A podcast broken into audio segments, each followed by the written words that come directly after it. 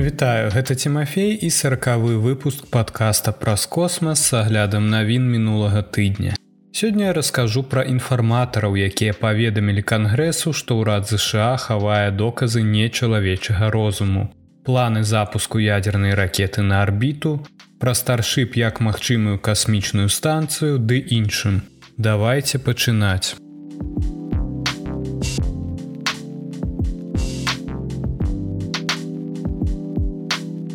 Інфарматар паведаміў кангрэсу, што ўрад ЗША хавае доказы нечалавечага розуму.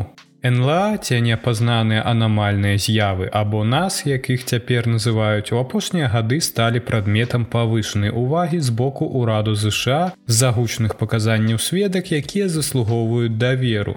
Каб параліць святло на тое, што некаторыя лічаць сур'ёзнай пагрозай нацыянальнай бяспецы, якую прадстаўляюць неапазнаныя анамальныя з'явы, падкамітэт палаты прадстаўнікоў па нацыянальнай бяспецы на мяжы і замежных справах правёў у серды 26 ліпеня ў Вашынгтоне слухання пад назвай неапазнаныя анамальныя з'явы уплыў на нацыянальную бяспеку, грамадскую бяспеку і празрыстасць урада. На слуханні далі паказанні тры ключавыя сведкі.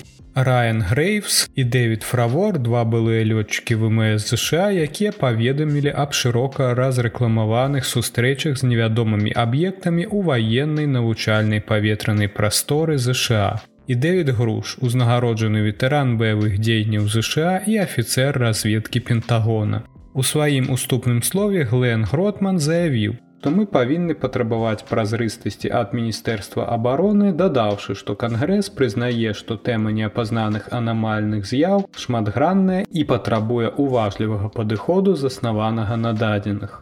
Сябра палаты прадстаўнікоў тим берчет пайшоў яшчэ далей. Мы павінны сказаць людзям у пентагоне што яны працуюць на нас а не мы на іх і ў гэтым сутнасць празрыстасці ўрада. Мы не можемм давяраць ураду які не давярае свайму народу Паўтараючы гэта ва ўступным слове член палаты прадстаўнікоў Джаред Масковец заявіў, што амерыканская грамадскасць мае права даведацца аб тэхналогіях невядомага паходжання і нечалавечым інтэлекце.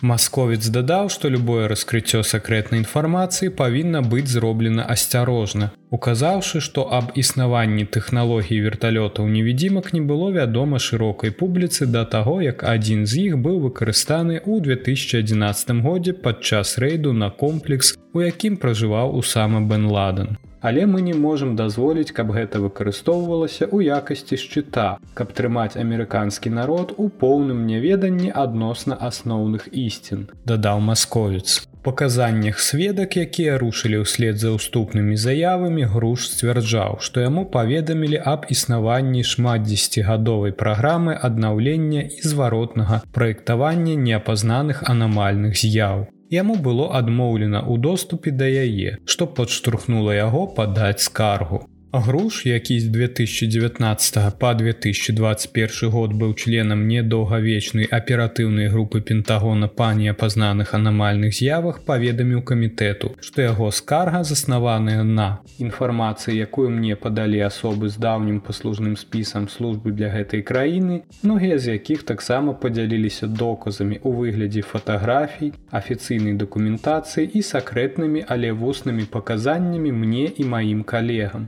Масковец спытаў груша, ці ведае былы чыноўнік разведвальнай супольнасці аб несанкцыянаваных праграмах у галіне перадавых тэхналогій. Нашто груш адказаў, што гэтыя праграмы існуюць і знаходзяцца па-за кантролем кангрэса.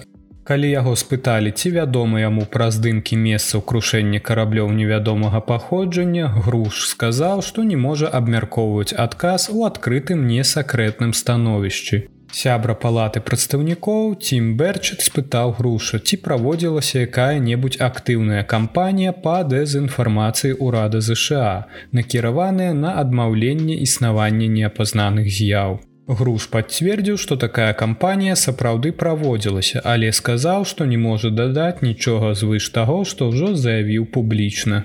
Член палаты прадстаўнікоў Эрлік Берлісан таксама спытаў груша. Вы сказалі, што ЗША маюць цэлыя касмічныя караблі. Вы сказалі, што ва ўрада ёсць іншапланетныя целы або іншапланетныя віды. А вы бачылі касмічны карабель, вы бачылі якія-небудзь целы, спытаў ён. Нашто груш адказаў, што ён не быў сведкам сам.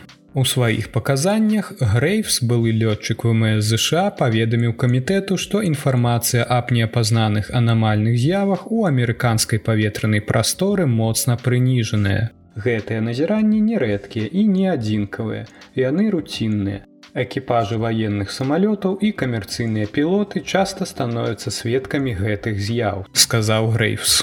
Ён напісаў, як ваенна-марскія лётчыкі, якія дзейнічалі на ўсходнім узбярэжжы ЗША, бачылі аб'екты, якія здаваліся заставаліся нерухомымі перад тварам ураганнага ветра, а затым раптам разганяліся да звышгукавых хуткасцяў. Нягледзячы на экстраардынарны характар гэтых назіранняў і іх блізкасць да ваеннай паветранай прасторы, Грэйв сказаў, што ён і яго калегі былі сведкамі, не кажучы ўжо пра іншых пілотаў, у якіх былі падобныя сутыкненні. Інфармацыя, звязаная з неапазнанымі анамальнымі з'явамі, з'яўляецца рэальнай і магутнай і кідае выклік нацыянальнай бяспекі, сказаў Грэйв з камітэту.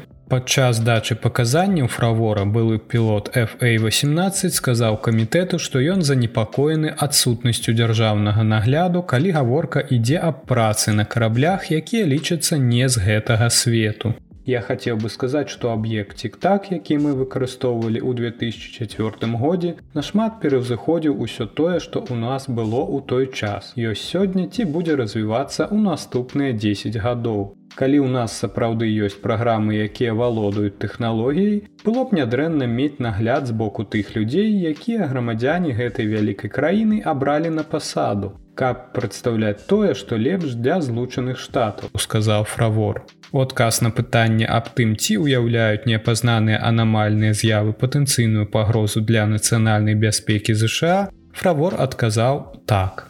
Дадаўшы, што тэхналогія, з якой мы сутыкнуліся, нашмат пераўзыходзіць усё тое, што ў нас было.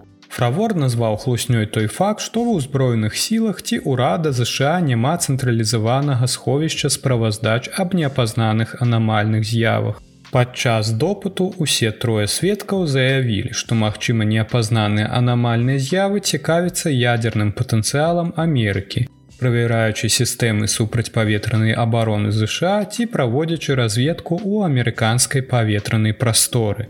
У заключным слове прадстаўнікі падкрэслілі, што гэтае пытанне па сваёй сутнасці заключаецца не толькі ў пошуку доказаў меркаванага іншапланетнага карабля, колькі ў патрабаванні празрыстасці ад урада ЗША. Але на дадзены момант шмат пытанняў засталося без адказу.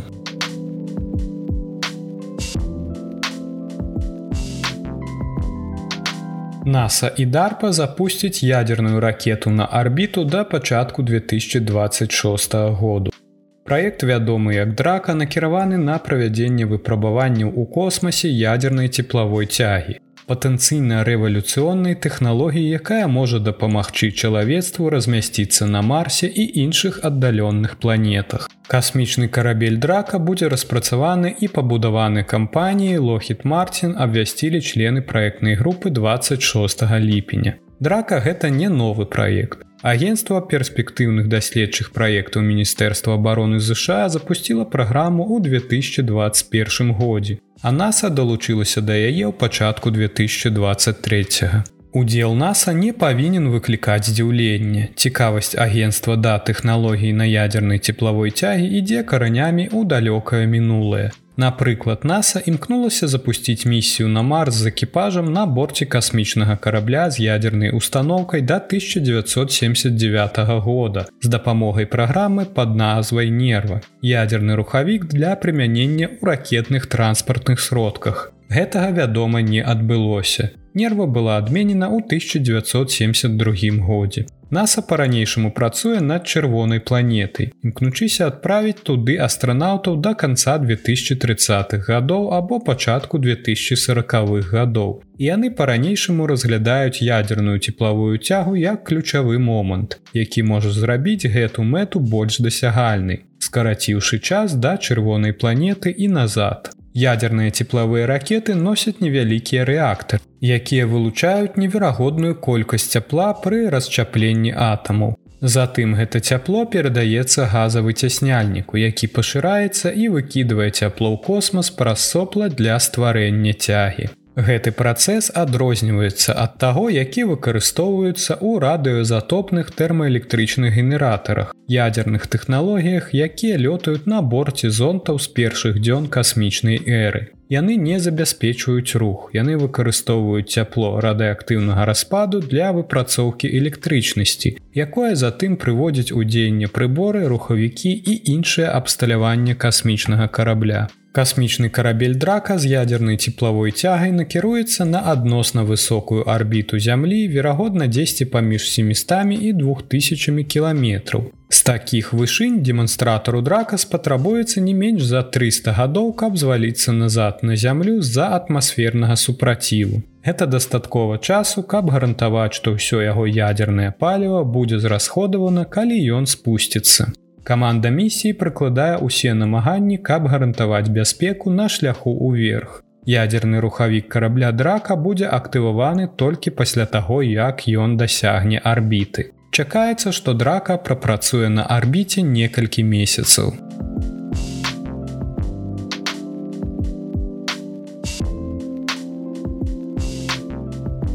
Паслухайце музыку, напісаную спадарожнікам для вывучэння ветра Эйолус. Зямны ветер ніколі не гучаў так. З нагоды канца жыцця спадарожніка Эолас, які загіне ў вогненным першым у сваім родзе вяртанні ў атмасферу на гэтым тыдні еўрапейскае касмічнае агенцтва выпусціла відэо пад назвай Life of Эолус. Музычны твор напісаны на аснове гадавых дадзеных аб ветры сабраных спадарожнікам. Дадзеныя былі агучаны ператвораны ў гук шляхам прысваення розных тыпаў дадзеных вышыні, гучнасці і даўжыні кожнай музычнай ноты. Падзеі, зарэгістраваныя спадарожнікам, такія як вывяржэнне вулканаў і штармы прадстаўлены барабанамі або сінтэтычнымі шумамі ветра. Еўрапейскае касмічнае агенцтва запусціла Эолас у 2018 годзе, каб сабраць дакладныя дадзеныя аб зямных вятрах, якія б можна было выкарыстоўваць для больш дакладнага прагназавання трапічных штармоў, ураганаў і іншых з'яў надвор'е. У той час гэта быў першы касмічны апарат, прызначаны для вымярэння зямных вятроў з арбіты спадарожнік спыніў працу ў пачатку ліпеня і зараз еўрапейскае касмічнае агенцтва рыхтуецца накіраваць спадарожнік назад у амбіцыйную аперацыю па вяртанні ў атмасферу. Вы можете атрымаць ад салоду ад часткі кампазіцыі.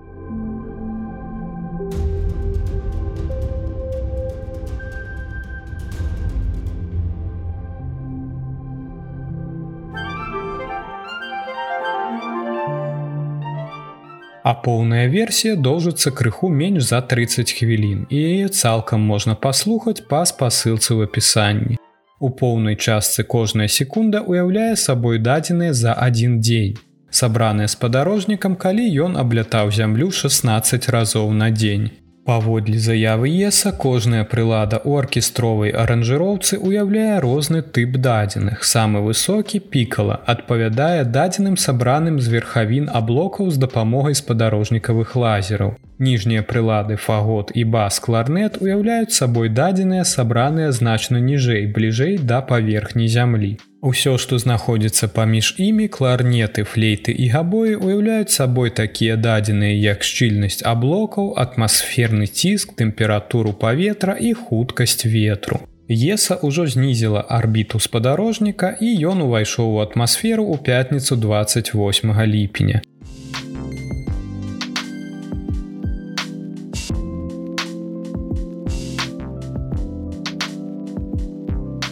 NASA разглядае касмічны карабель SpaceX як магчымую касмічную станцыю. SpaceX атрымлівае параду ад NASA, каб вывучыць магчымасць пераўтварэння свайго велізарнага новага карабля старship у арбітальны пункт прызначэння. Калі ідэя ажыццявіцца, старship можа прапанаваць шырокі спектр магчымасцяў для даследаванняў і камерцыялізацыі на арбіце. Для NASA старшы прадстаўляе яшчэ адзін варыянт у лінейцы магчымых касмічных станцый і тэхналагічных распрацовак у работах па падтрымцы эканомікі, якая развіваецца на нізкай калязямной арбіце. Чакаецца, што міжнародная касмічная станцыя завершыць сваю працу да 2030 года. І касмічнае агенцтва рыхтуецца да яе канчатковага закрыцця. За апошнія некалькі гадоў NASAа заключыла пагадненні з некалькімі кампаніямі аб распрацоўкі камерцыйных нізкаарбітальных касмічных станцый. У тым ліку ўзнагароджанне ў памеры 415 мільёнаў долараў, падзеленыя паміж Blue Origin і Нортон Груман і Нанаракс. І пагадненне з Axiom Space аб стыкоўцы іх уласнага камерцыйнага модулю з МКС апаратнае забеспячэнне Axiom Space у канчатковым выніку аддзеліцца, ператварыўшыся ў вольна лётаючы прыватны аванпост. NASA ўжо заключыла са SpaceX першы кантракт на паслугі па пасадцы чалавека ў рамках праграмы Атаміс на распрацоўку версіі старшып для высадкі астранаўтаў на месяц. І на працягу ўсёй сваёй канцэптуальнай і фізічнай распрацоўкі SpaceX уяўляе касмічны карабель неверагодна шматгранным. Пры апублікаванні свайго праекту ў 2016 годзе, калі SpaceX звала яго міжпланетнай транспартнай сістэмы, заснавальнік і генеральны дырэктар кампаніі Ілон Маск заявіў, што гіганцкі касмічны карабель зможа даставіць да 100 чалавек і груз на Марс за адзін палёт. Маск таксама сказаў аб выкарыстанні старшып для хуткага перамяшчэння па зямлі. Але ж выкарыстанне старшыпу якасці касмічнай станцыі пакуль яшчэ толькі ідэя на паперы. Інтрыгуе улічваючы вялізны памер карабля. Адзінай падобнай касмічнай станцыяй з адкрытым унутраным аб'ёмам будзе стары аванпост NASAа Skylab, дыаметр якога складаў усяго 6,61 сотыя метры.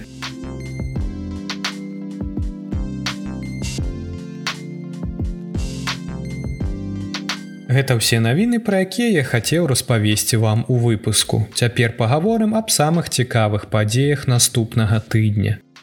Поўня першага жніўня ці асятровы месяц.